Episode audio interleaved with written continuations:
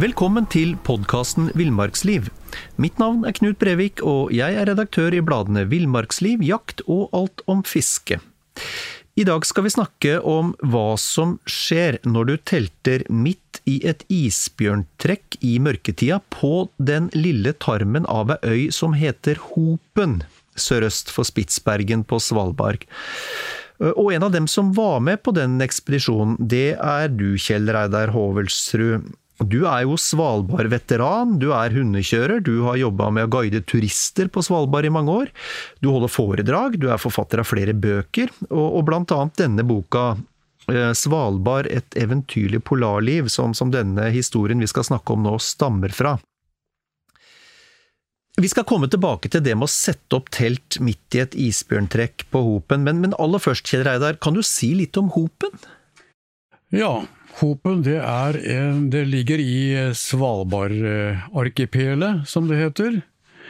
Og det ligger sør-øst for Spitsbergen, som er hovedøya. Den er 3,2 mil lang, og på det smaleste er den kun 500 meter. Eh, høyde platå er på ca. 300 meter. Vanskelig tilgjengelig, Eh, og i det hele tatt, eh, når du skal oppover i mørketid og i kanskje dårlig vær, så det, har vi en utfordring. Det hadde vi. Nettopp. For, for, dette var i mørketida, det var i november 1970. Og hva, hva i all verden skulle dere på Hopen i november 1970? Det det gjaldt om, det var faktisk å ta utmål. Eh, registrere funnpunkter. Og kort fortalt så er det eh, å eh, få tillatelse til å eh, forberede boring for oljeselskapet. Og det var Hopen, nei det var, det var Fina-gruppen, Exploration, som jeg hadde fått jobben gjennom. Jeg hadde jobbet for dem tidligere i samme oppdrag på, på Edsøya, som lå litt lenger nord. Eh, det å ta utmål, det er først så skal det registreres funnpunkter. Og da er det seismiske målinger som ble tatt gjennom flyvning. Og det skal registreres nøyaktig på kart. Og da skal vi opp og finne de punktene, og lage punkter med aluminiumstikk aluminiumsstikk som veide én kilo, én meter lange, med et flagg i ene enden som fortalte hvem det tilhørte. Og da måtte vi ha, lage en triangel. Eh, tre punkter, lage en triangel. Og innenfor det området, da var det tillatelse til å bore etter olje, hvis bergmesteren på Svalbard godkjente det. Så det var vår jobb å ha med de eh, aluminiumsstikkene. Og ca. 70 stykker hadde vi skulle fordele på hele øya. Ja, så da ble, altså, da ble altså du bedt om å, å ruste ut en, en, ekspedisjon du, på vegne av Fina, og for å ta dere til, til Hopen? Ja, jeg hadde det praktiske ansvaret fordi jeg hadde eh, Når det gjaldt hundekjøring og feltopplevelser, hadde jeg gjort en del av det tidligere på, på Svalbard. Mm, mm. Og, og, hvor mange var dere som skulle, skulle av gårde? Vi var fire personer. To fra Fina, fra, Fina, fra hovedkontoret i Brussel, og en fra Oslo, og en eh, hundekjører, venn av meg, som jeg plukket ut til det oppdraget. Akkurat. Jeg, som jeg kjente godt. Ja. Og hvordan, hvordan, skulle dere ta dere over til Hopen, da? Du, det var faktisk med en ishavsskøyte som het Polarulv, som lå i eh, Tromsø. Og eh, vi kom dit opp, den, vi hadde et døgns forvarsel på hele ekspedisjonen, så det gikk uh, hull om rundt. Et døgn på forberedelser? Et døgn på forberedelser. Oh, hvorfor, den, hvorfor så hast? Jeg, nei, det, jo det var fordi det var kamp om å få disse utmålene. Ja, ja, ja. For uh, førstemann til mølla fikk lov å, å gjøre den jobben. Og Hopen var veldig attraktiv. For de regnet med at her var det muligheter for å finne olje. Og så var det tillatelsen før før dette her ble nasjonalpark. For det var det snakk om. Akkurat. Så da var det om å gjøre for oljeselskapene å være førstemann ute. Og det var et veldig hemmelig oppdrag. Helt tyst om alt. Så da var det ett døgn rett opp i mørketid, og dette var eh, når vi landet i Tromsø. Så var det 13. november. og faktisk fredag den 13. Oi. Og det, er ingen ishavsskipper som går ut da. Nei. Så vi ventet til kom over eh, inn på formiddagen neste dag. Da dro vi av gårde i et eh, forventet dårlig vær opp i Barentshavet. Ja. Og det fikk vi også. For vi hadde faktisk satt inn to store reservetanker, drivstofftanker, eh, for å gjøre den turen. Båten var på 78 fot. Ja. Så det var ingen stor båt i, midt i november å dra oppover med og møte det dårlige været som vi da kunne forvente. Og de tankene var eh, plassert nede i rommet. Nå får du bladet Villmarksliv rett hjem i postkassa i tre måneder for kun 99 kroner. I Villmarksliv kan du lese om norsk natur, ærlige tester av klær og utstyr, og mange gode turtips skrevet av erfarne friluftsfolk, fiskere og jegere. Send SMS VILL36 til 2205 og motta bladet allerede neste uke. Lev livet villere med bladet Villmarksliv. Mom deserves the best, and there's no better place to shop for Mother's Day than Whole Foods Market. They're your destination for unbeatable savings, from premium gifts to show-stopping flowers and irresistible desserts. Start by saving 33% with Prime on all body care and candles. Then get a 15-stem bunch of tulips for just $9.99 each with Prime. Round out Mom's menu with festive rosé, irresistible berry chantilly cake, and more special treats. Come celebrate Mother's Day at Whole Foods Market. Nede i rommet, og, der, eh, og stemplet av der. Og, og stemplet av, hva betyr det? Ja, stemplet av det, og festet da. Ok, og for ja. at det ikke skulle begynne å bevege seg. Men det var det som skjedde, for vi fikk så dårlig vær at de tankene løsnet. Og vi hadde jo eh, 10-12 kuldegrader, og ising på dekk, og glatt. Og vi måtte hogge is for at ikke det skulle få risikere kantring av båten. Ja. Og mens dette her pågikk, så løsnet da Jeg hadde sterk kuling og stormbyger eh, imot, og tankene løsnet inn nede i rommet, og da måtte vi opp på dekk, alle mann. Besetningen var ikke mer enn fire personer, eh, mindre enn det det burde være på en sånn tur. Men eh, mannskapet om bord klarte å stemple av så ikke dette her gikk tvert gjennom skutesida. Ja, for det, Det det, var flere, flere tusen liter i hver tank. for det var det dere risikerte? At det, Det rett og var det vi risikerte, at dette det kunne komme i full fart ut. Mm. berget det, og vi var jo øh, Vi lå og prøvde å holde oss fast i køyene øh, før vi ble beordret opp for å hogge is. For at det ikke skulle skje noe mer dramatisk. Så det var en fæl tur, altså. Det var en, og vi var veldig glad når vi kom inn i isen. Og for når vi møter isen, så roer alt seg, for det demper jo bølgene. Ja, ja, ja. Når vi kom så langt. Men det var jo to døgn før vi var opp nærmere Hopen eh, værstasjon. Og det var mye oppkast og mye dårlig form, har Ja, jeg lest meg til. det var det. Jeg, jeg er ganske sjøsterk, så jeg klarte meg ganske bra. Men eh, jeg måtte nok eh, ut, jeg òg. Ja. Tømme. Så den, eh, det var, den maten vi hadde fått om bord, den, eh, den holdt ikke så lenge. Du, du hører med til denne historien, eh, som jo er frem, fremragende skildra i, i boka di, at du valgte å ta med deg en hund, du. Ja, jeg hadde en hund som var født på Edsøya, på min første overvintring, når vi drev med eh, levendefangst og forskning på isbjørn. Og han var født og ble skremt inn i huset som eh, to måneder gammel. For han ble født ute i snøføyka i 20 minus, og det satte spor i han. Men når han vokste til og ble stor og sterk, 45 kilo, så ble han en ordentlig tøffing. Oi! Skikkelig tøffing. Og han, han ble min lederhund, som jeg lærte han opp veldig godt på det. Og han var en veldig god bjørnevarsler. Okay. Og det var en av årsakene til at Eller hovedårsaken, kanskje. Pluss at vi skulle trekke den pulken. To hunder og to pulker startet med. To mann skulle nordover med en pulk og han tjokk som jeg hadde med meg. Nettopp. Og hvordan hun, hvordan hun var han? Det var grønlandshunder. Ah, Grønlandshund, ja. Kun grønlandshund, ja. De er de tøffeste. Og du skulle jo ha 60-70 kilo med, med bare, for, bare stikkene som skulle settes, aluminiumsvinkeljernet som skulle settes ned og, og, og stemple seg og bygge varer rundt.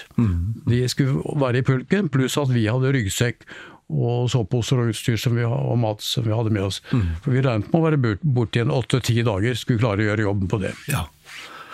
Og, og, så kom dere til Dere kom da inn i, inn i isen, og da roa det deg, som du sier. Og så, og så kom dere etter hvert eh, inn mot, inn mot selve Hopen. Og, og der, er en, der er det jo en radiostasjon. Det er en værvarselstasjon. De sender metter da hvert fjerde, hver tredje, ja, fire ganger i døgnet. Ja. Og de har jo radioutdannelse også, disse karene der. Så de hjalp oss inn, og vi bodde jo der i starten, eh, første døgnet. Ja. Før vi rigget til og var klar for å komme ut i, i mørket og i, i, for å gjøre jobben. Mm -hmm. Ja, for, for, på Hopen på den tida av året så er det mørkt mer eller mindre rundt? Vi hadde tre, si tre timer med ganglys, med dårlig skumringslys. Ikke noe mer enn det. Nei. Og hvis været er greit, så kan det være, være greit å bevege seg i. Men ofte så er det føyke og overskya, og da blir det mørkt, altså. Ja. Da blir det rett og slett mørkt. Det bare kave seg fram, og, uh, så det er, noe, det er, ikke noe, stor belysning. Derfor Hopen i, i, i, november, det er, et, det er et veldig ugjest... Eller i det hele tatt, altså disse øyene er ugjestmilde plasser. Du, du kan tenke deg en tanngard. Det er nærmest, ja, det er nærmest jeg kan tenke, som ligner. Altså, det, er, det er noen få dalsøkk. Ja. Og så er det platåer. Og så er det bratte fjellsider som går 3,2 mil er den øya lang. Mm. Og vi skulle da bevege oss over det, og da var det med stort hundespann var det ikke noen grunn til å ha med seg. Mm. For det er, det er, mye enklere med en pulk og en hund. Mm. Og vi trengte, det var det vi trengte. Ja. Og så og så var det, altså var det en, en, hendelse som du må fortelle litt om. Um, hvor dere skulle ut og, og gå oppe på dette platået. Hva var, ja. som, hva var, det som, skjedde der, Kjell Reidar? Ja, nei, Det var en pussig opplevelse. Og eh, det er jo vel kjent nok, egentlig, men uh, det var å navigere, prøve å navigere, finne retningen på den uh, platået for å komme øya på langs. For ikke å gå utfor noe stup. Og det jeg så, det var en hvit, lang flate som vi kunne bevege oss på, som gikk i, øh, skulle gå i riktig retning. Ja. Vi gikk på kompasskurs. Ja. Og, men det var føyke, og sikten var så dårlig at vi, vi, vi skjemtet bare terrenget. Og etter hvert så øh, merker jeg at dette er noe som ikke stemmer. Ok. Og plutselig, foran meg, Kjoks leder, han går jo foran meg med pulken, ja. bråstopper. Og så kommer Jarle da, Henriksen, som var en av Fina-karene, fram og lurer på hvorfor stopper det her, hva er det for noe? Og da, når han tar et skritt opp på siden av pulken, så bråsnur Tjokk seg og knurrer og glefser mot han. Oi. Rett og slett. Jeg er ikke glefser, da, men iallfall knurrer. Ja, ja, ja. Og da ser vi jo rett og slett i et blink, så ser vi da to meter foran pulken, så er det bråstopp og loddrett ned i havet. Oi. Og det som var faktum, var at det under så lå jo isen. Og den hadde trukket seg opp. Se på et speilbilde om at det var terrenget som var flatt bortover. Så hadde ikke vi hatt med hannhunden som berget livet vårt den gangen, så hadde det vært rett utfor. Hvor, hvor langt var det ned der, da? Nei, eh, mellom 200 og 300 meter. Rett ned? Rett ned. Oh. Ingen mulighet til å overleve det. Så det var uh, Guds lykke, det altså. Og vi, og vi sklei oss forsiktig tilbake. det bare det å komme oss vekk fra det stupet. Og det, det, var, det var litt jobbig, da. Men, for det er ganske glatt òg på platået der oppe. Og så fant vi en leirplass og hogd oss fast og bardunerte teltet. I, i, is, faktisk. da. Mm. Men det føyka var en kuling hele natta gjennom, og det var, når, når det føyker og det er så dårlig sikt, så er det, da er det godt å komme ned i såpass og regne med at dette går bra. Ja. og Tjoksen han lå jo på utsiden, da. Selvfølgelig. Ja, Eh, men, men hva, hva, hva du, du, du, forteller jo at du hadde en, en dårlig følelse før, før, hunden din varsla. Hva var det du, var det du sånn ubevisst la merke til? Eh, det var noe som ikke stemte. Altså, okay. rett og slett noe som ikke stemte. Jeg tenkte på distansen her oppe.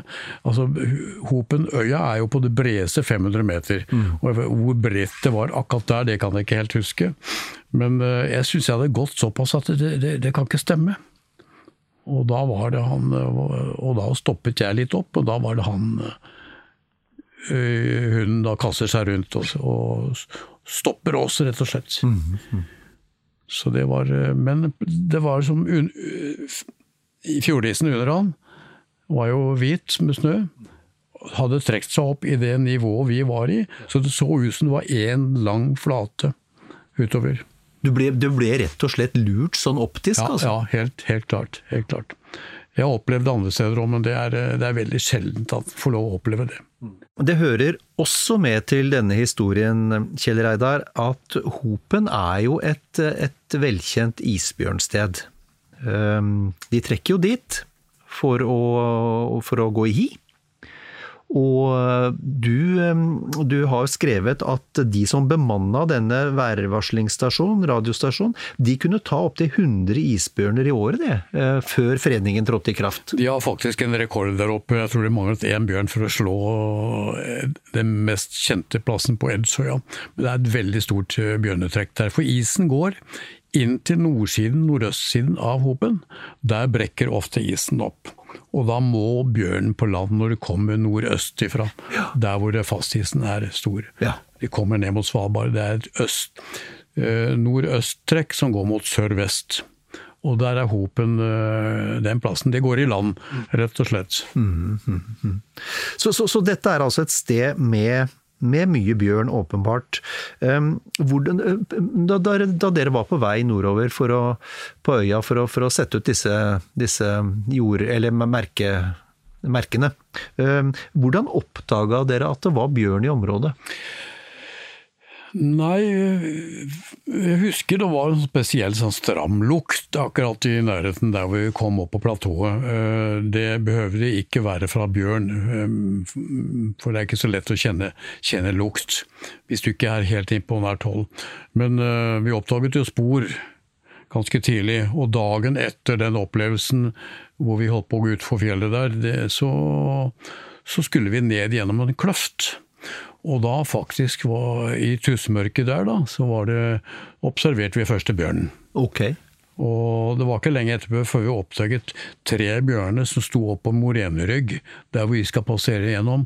Og det nærmeste var vel bare noen få meter unna. Så jeg må jo være klar med børsa og med skudd i både kammer og, og magasinet klart, altså. Men de bare sto og betraktet dere? De sto bare og betraktet oss, og det tror jeg var eh, De var jo nok usikre på både hele følget og den uh, hunden som jeg hadde med, da. Mm, mm. Selvfølgelig. Og, så det var, det var, ikke noe god stemning, men vi måtte jo bare komme oss videre. Men det, det gikk greit, for det var ikke noe aggressive utfall på de bjørnene. For, for du, de, hadde, du, har i hvert fall vært borti en del bjørn tidligere, du, så dere vurderte dem til å ikke være spesielt aggressive i den situasjonen, i hvert fall? Ja, vi, vi, vi, ser an hvordan kroppsspråket er, og hvordan, uh, hvordan dyra oppfører seg, og vi er jo parat til å kunne å kunne gripe inn hvis vi, vi, ville fått noe angrep. da. Mm. Det, det, jo, det, viste seg jo senere òg. Mm. Så det var ikke alle som var like, like greie å hanskes med. Nei. For når vi satte opp teltet litt lenger eh, nordover, så fikk vi jo rett og slett eh, bjørnebesøk som ikke var av den snille sorten. Ok. Det må du fortelle litt mer om. ja, ja, vi hadde satt opp teltet på var det Bråstadskaret, det het akkurat der.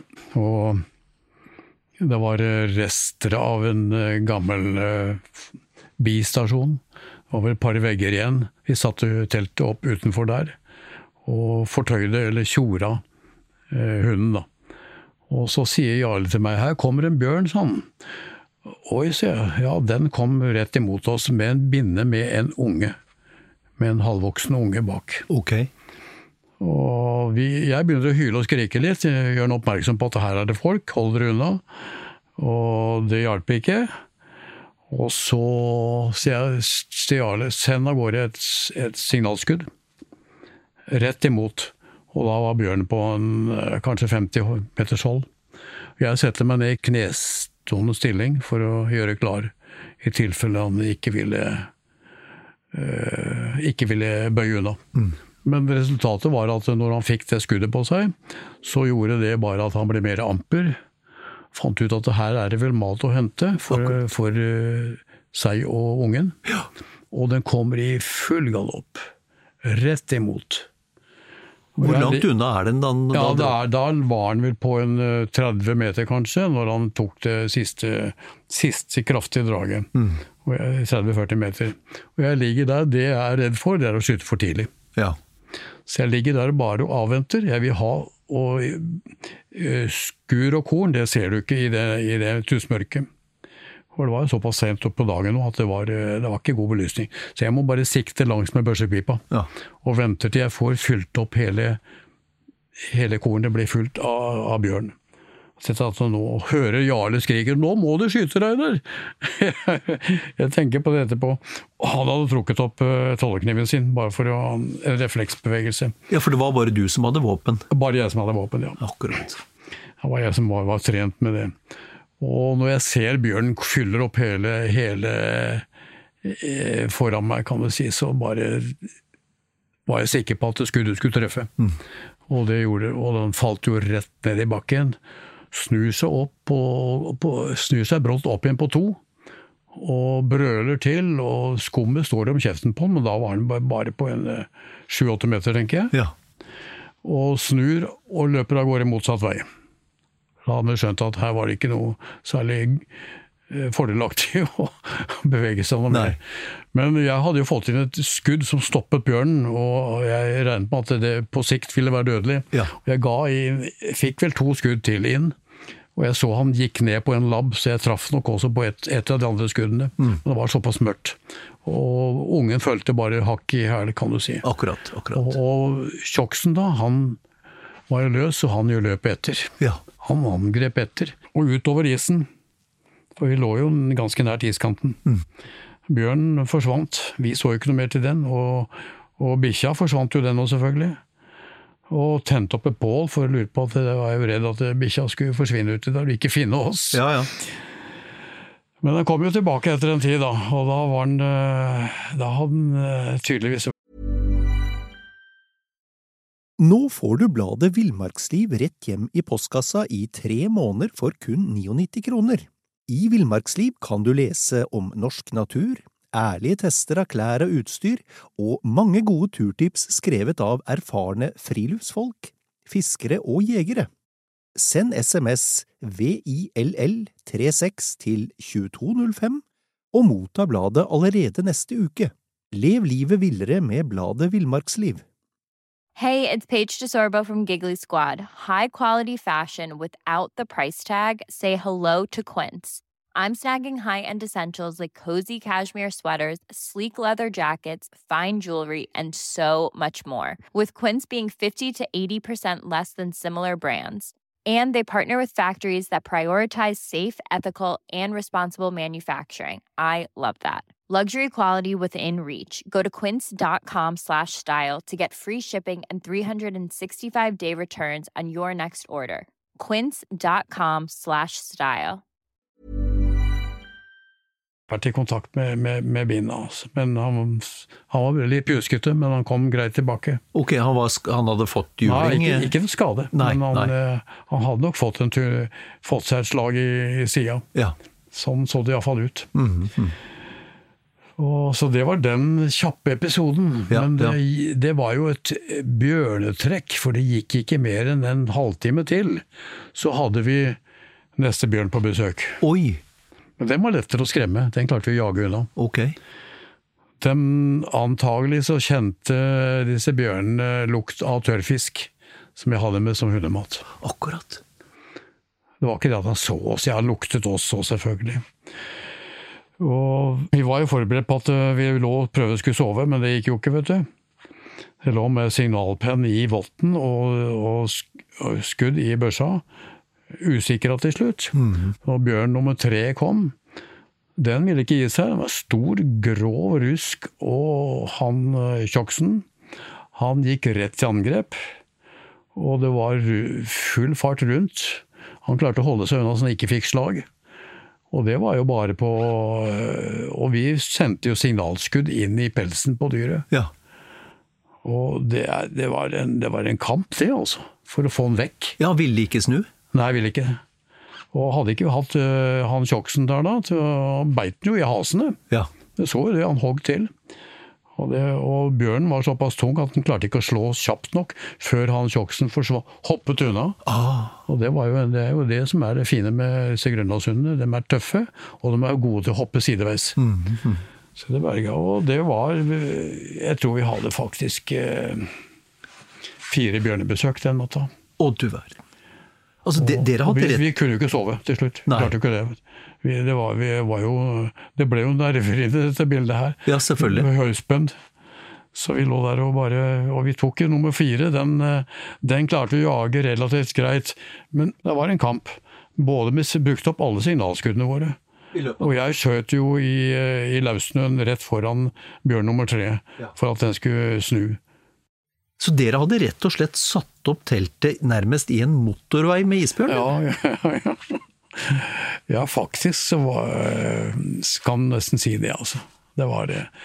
Iskanten gikk jo rett inntil der hvor vi lå. Så det var årsaken til at og det, Og sør for oss så var det jo drift av is. Og hvis bjørnen skulle videre, så måtte den på land på hopen der. Og det er jo det er jo kjent eh, isbjørntrekk over der også på høsten. Så den var sulten. Nettopp. Vært lenge uten mat. Som de ofte er på, på høsten. Og så fant de oss, da. Ja. Tenkte at det kan jo bli en lekkerbisken og noen måltider der. Ja, ja, ja. Men vi, klar, vi klarte å forhindre dem fra det, da. Eh, Hva tror du var grunnen til at sånn som den ene som du nevner, som dere skjøt to eh, signalskudd mot, og som dere måtte bale mye med for å få til å trekke seg unna, hvorfor tror du de var så aggressive, eller så på? Nei, det var sult. Det var sult. Ja, sult. Det er det, det som er overveiende. Og det var Begynne med unge, vet du. Det er klart at det å skaffe mat til seg og, og det er ikke så enkelt bestandig. Nei. Det er lettere på vår, vårisen for, for bjørnen å skaffe seg maten sin. Så det ble en lang natt, det der, skjønner jeg. Det ble en lang natt uten søvn. Så vi var veldig glad når lyset, det lille lyset kom tilbake. Og vi, kunne, vi var kjappe om å slå og, og, og legge ned leiren og pakke sakene våre. Ja. Vi hadde et utmål til vi skulle ta. Okay.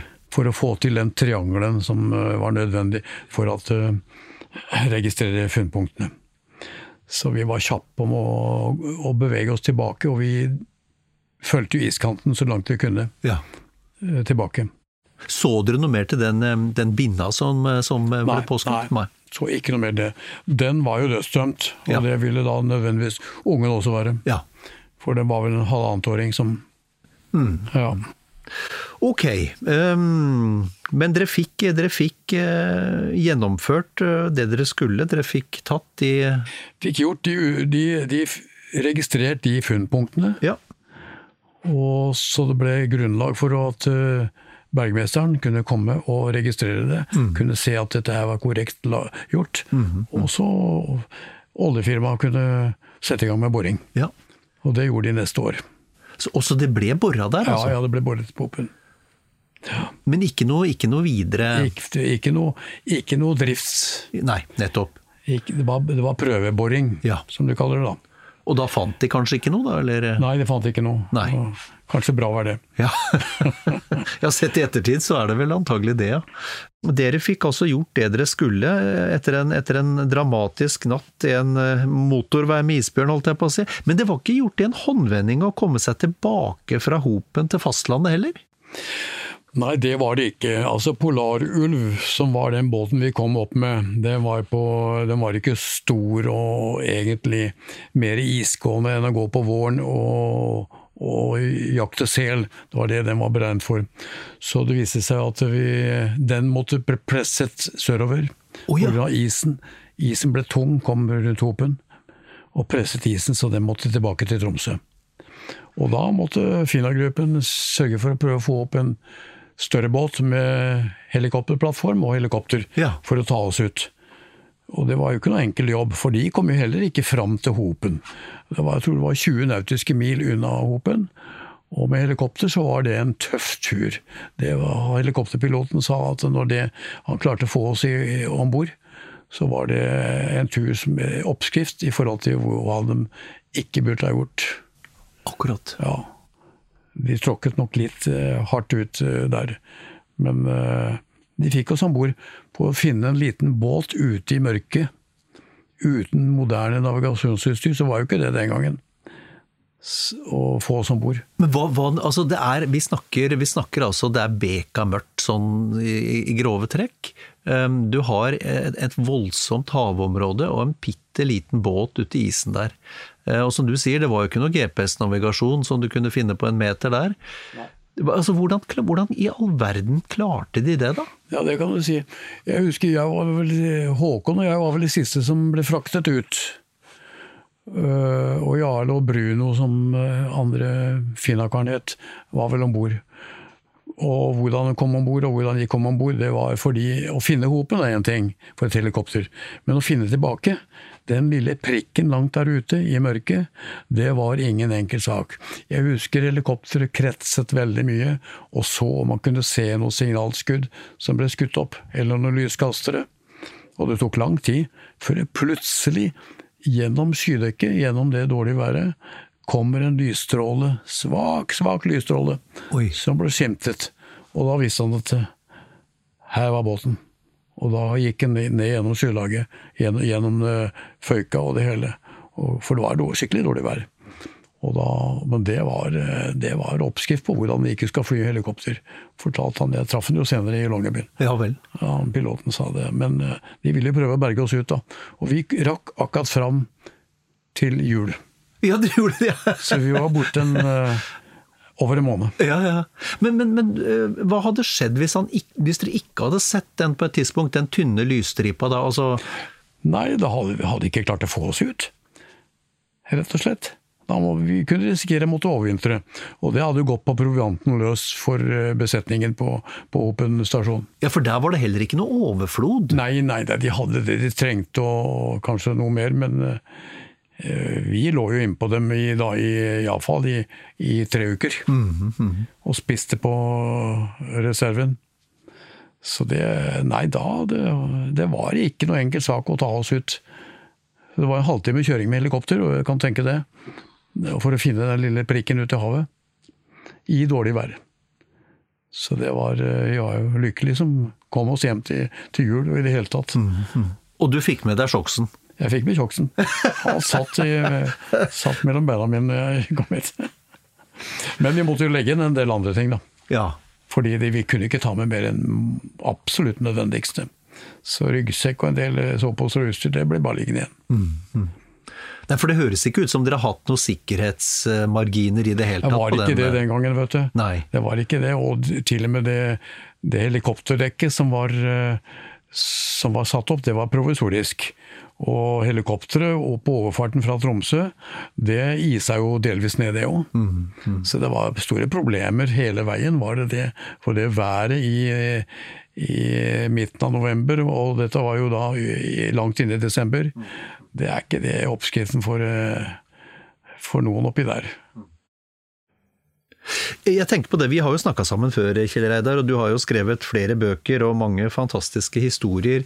Mye, mye dramatikk, egentlig. Dere var litt pionerer, dere, eh, som holdt, holdt til på, på Svalbard den gangen. Vi var jo faktisk det.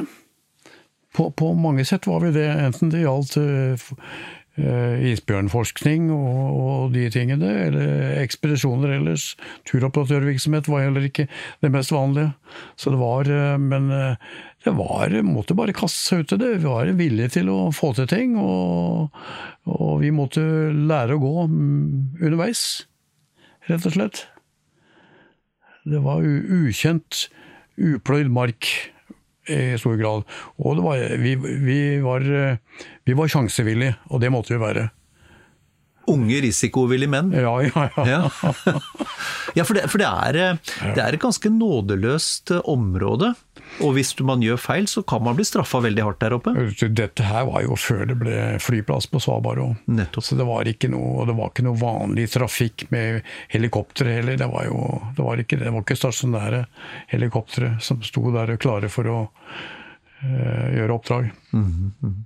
Men, men uh, du, du var jo der i flere, eller du var jo på Svalbard på, på flere ekspedisjoner og var der over flere år, eh, Kjell Reidar. Hva, Av alle disse, alle disse, historiene og opplevelsene som, som, du jo skriver om i, i bøkene dine, um, hvilken syns du sånn i ettertid er den sterkeste? Ja, det har jo vært bjørnangrep inne i hytta mi, blant annet, som var øh, ganske ekstremt. Mm. Hvor eh, bjørnen hadde reiv, reiv buksa mi idet jeg og hoppa etter meg inn i hytta. Det er en episode som også ligger i, i den første boka jeg skrev, mm. 'Eventyrlig polarliv'. Et eventyrlig polarliv. Og så var det vel også den gangen jeg gikk gjennom isen med en wiesel og møtte bare isen over meg når jeg skulle prøve å komme opp igjen. Jeg gikk sju meter ned.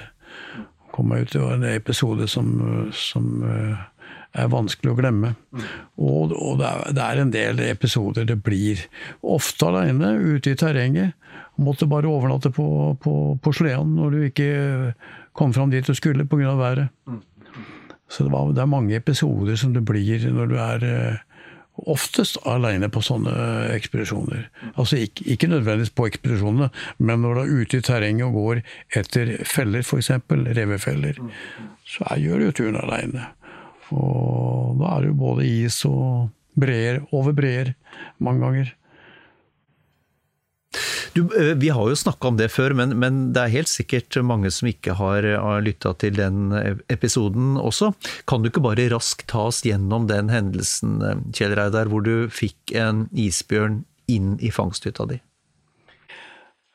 Ja. Prøve å gjøre en kjapp eh, på den. Det var en bjørn som kom og så veldig til hytta mi når jeg bygde opp en, en fangststasjon i Mushavna i 1987, og dette var vel i 1990.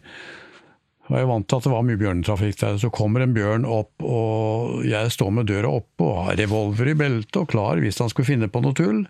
Og jeg ser han løfter seg på to og snuser mot meg. Så går han ned, forbi bikkjene. Den eh, bjeffer litt, selvfølgelig, og varsler litt.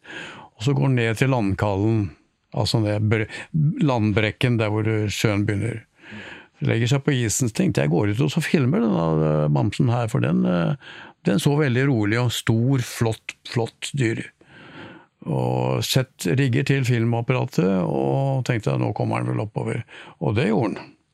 Kom opp fra landbrinken der han hadde ligget nå en, eh, en, en stund. Og idet han kommer, så begynner han plutselig forbi, krabbe forbi kjøttstativet mitt på en 20 meters hold krabber legger seg flatt og begynner å krype mot meg. Og tenkte jeg hei sann, her er noe som ikke stemmer, dette her eh, så ikke bra ut. Nei. Og jeg slipper da knappen som jeg akkurat skulle begynne å filme. Og løper i full fart langs med hytteveggen. Jeg Hadde noen meter fram mot for å komme meg rundt og inn mot døra. Og i øyekastet så ser jeg det at når jeg begynner å løpe, da kommer han for full fart. Da kommer han som en uh, galopperende etter meg, i fullt klyv. Og idet jeg runder hjørnet der jeg har revolveren hengende over uh, tømmer, tømmerstokken, den ser jeg jo er altså har muligheten til å gripe den. Jeg tenkte at Nå kjenner jeg bjørnen er så tett bak meg. Hvis jeg griper den og prøver å snu meg, da er jeg ferdig. Mm. Har ikke kjangs. Og heldigvis så hadde jeg eh, døra stå oppe, så jeg hopper inn gjennom døra. Og så blir det mørkt bak meg. Og da hører jeg bjørnen klasker ned bak meg i det ytterrommet som er to ganger tre meter. Mm, -hmm. Og jeg stanger hodet videre inn mot neste rom, da. Jeg hadde jo to rom i, i hytta der. Og da var han inn, bak i buksa mi. og jeg, hjertet holdt jo på å fly ut av kroppen min da. Og da jeg kjente han reiv borti, borti buksa mi idet jeg stanget videre inn, så ble det bare stille. Og døra står bare og, og blinker litt opp og ned. Jeg ser bare i Og da har ikke jeg noe våpen inn i hytta. Jo, jeg hadde en gammel Mauser som hang på veggen. Og, å, og den reiv jeg jo ned, da. Men jeg hadde ikke noe ammunisjon. Jo, jeg hadde ammunisjon, men det var helt inntil veggen der hvor bjørnen sto og spiste og tygde. For hvorfor bjørnen stoppa der og ikke fulgte meg videre, det var fordi han hadde stått på to bein og lukta at her var det mat. Ah. Så det var ikke meg, det var ikke meg som lukta best. Helt sikkert ikke. Nei. Så det var nok rett og slett kobbekjøtt kobberkjøtt som jeg hadde lagra, og røye som jeg hadde lagra inn i, i, i byslaget. Han var i interessert i maten din, da. Maten, vet du. Og der var han. Der koste han seg fælt. Ja, ja. Men de, de skrittene jeg hadde over gulvet for å finne, gripe eh, og ta en tre, tre skudd eh, til 3006-en Da var jeg altså en meter fra jeg så hasene på han i, i rommet ved siden av. Altså i, Døra sto jo oppe Ja, inntil U-slaget. Og det var det lengste skrittene jeg har gått i hele mitt liv. det skal du få meg til å og tro. altså. Og trakk meg tilbake og fylte opp de skuddene. Og, og lada opp løpet. Og lå der og venta. Den, den var uinteressert i deg, den. Den var ikke interessert i meg, men det, det, det fortalte han ikke. Men eh, det er jo en litt morsom avslutning på den historien også, kjære Ja, det for er faktisk det. La jo igjen et visittkort, da. Du, ja, ja, og før det, da. Jeg, jeg, jeg klarte å kalle opp Sysselmannen. Eh, Rett og slett eh, ringte til Svalbard Radio og sa at jeg sa, omsider fikk kontakt. For det var ikke så lett. Det var dårlig. Det var solflekkintensitet som gjorde at radioforholdene veldig, var veldig dårlige. Og når jeg omsider fikk kontakt med Svalbard Radio, så sier, han, sier jeg det at jeg har besøk i hytta. Kan du tilkalle Sysselmannen? For det er en bjørn som ligger her inne i hytta. Og hva farsken? Ja, ring med en gang, sa han. Og da tok han kontakt med, med syssel, Sysselmannen. Nå heter det jo Sysselmester, men da heter det Sysselmann. Ja. Og det tok vel en time, så var helikopteret på plass. Og da hadde akkurat bjørnen skitt i en svær ruke inne i byslaget, der han hadde spist opp ti kilo med røye Oi. og en god porsjon med kobberkjøtt. Og sto på tramma, og da, når uh, sysselmannen kom og Sysselmannen prøvde å hovre ned for å jage den, skremme den, altså så langt ned som mulig. Ja. Jeg brød seg filla om det. Nei. Stor, tung koloss på en Jeg regna med å kunne være borti en 500 kilo. Du verden. Stor, ordentlig god bamse. Men han var sindig, rolig, og skulle bare jage meg. Men hadde ikke jeg klart å komme i hus, så hadde han jo tatt meg, selvfølgelig. Ja, ja. Så det var eh, kjapt fortalt. eh, For du var et hinder, du, på vei mot maten. Jeg var Tinder på meg i maten, det det er korrekt sagt. Helt klart. Og det hinderet, det var ikke, det var ikke jeg, meg, som, eh, som var den beste maten der. Nei, nei. Ja, fantastisk historie. Så det er eh, Det blir en del sånne historier. Ikke akkurat den, den arten der, den er jo spesiell, da. Det er Ja. først, eneste gang jeg har hatt bjørn inne i hytta. Ja. ja. Kjell Reidar, denne og, og flere fantastiske fortellinger fra din tid eh, på Svalbard, det er jo å lese i bøkene dine. Um, hvor, hvor får folk tak i, i bøkene dine, og, og hva, hva koster de? Du, de fleste bø bøkene Altså, jeg har skrevet fire bøker. Uh, 'Isbjørnliv' og, og eh, 'Polarliv'. uh, 'Eventyrlig polarliv', som er de fleste historiene mine legger på. Og eh, 'På livet løs' og 'Slik overlever du i uvær og kulde'. Alle bøkene kan du nok få kjøpt gjennom bokhandlere, for de bestiller direkte av meg. Men jeg selger også de, dette her direkte til de som henvender seg. Ja. Og bøkene koster jo da fra en 200 kroner oppover til den dyreste er jo 380 kroner. Ja. Den siste boka jeg har skrevet. Men den som omhandler dette her, koster 300 kroner. Nettopp. Og den, eh, den har jeg fortsatt eh, på lager av. Ja. Og, eh, men de som ønsker å finne mer greie på hva dette her er, Ja. de kan gå inn på svalbardpolarliv.com. Ja.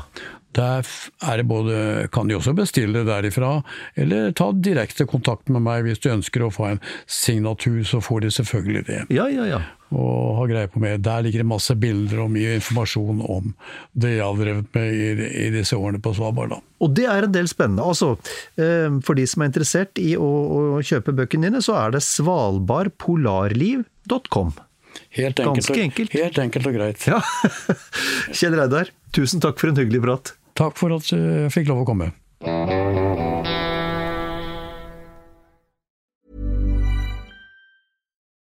Nå får du bladet Villmarksliv rett hjem i postkassa i tre måneder for kun 99 kroner. I Villmarksliv kan du lese om norsk natur, ærlige tester av klær og utstyr, og mange gode turtips skrevet av erfarne friluftsfolk, fiskere og jegere. Send SMS VILL36 til 2205 og motta bladet allerede neste uke. Lev livet villere med bladet Villmarksliv. Planning for your next trip? Elevate your travel style with Quince. Quince has all the jet setting essentials you'll want for your next getaway, like European linen, premium luggage options, buttery soft Italian leather bags, and so much more. And is all priced at 50 to 80% less than similar brands. Plus, Quince only works with factories that use safe and ethical manufacturing practices. Pack your bags with high-quality essentials you'll be wearing for vacations to come with Quince. Go to quince.com/pack for free shipping and 365-day returns. Mom deserves the best, and there's no better place to shop for Mother's Day than Whole Foods Market. They're your destination for unbeatable savings, from premium gifts to show-stopping flowers and irresistible desserts. Start by saving 33% with Prime on all body care and candles. Then get a 15-stem bunch of tulips for just $9.99 each with Prime. Round out Mom's menu with festive rosé, irresistible berry chantilly cake, and more special treats. Come celebrate Mother's Day at Whole Foods Market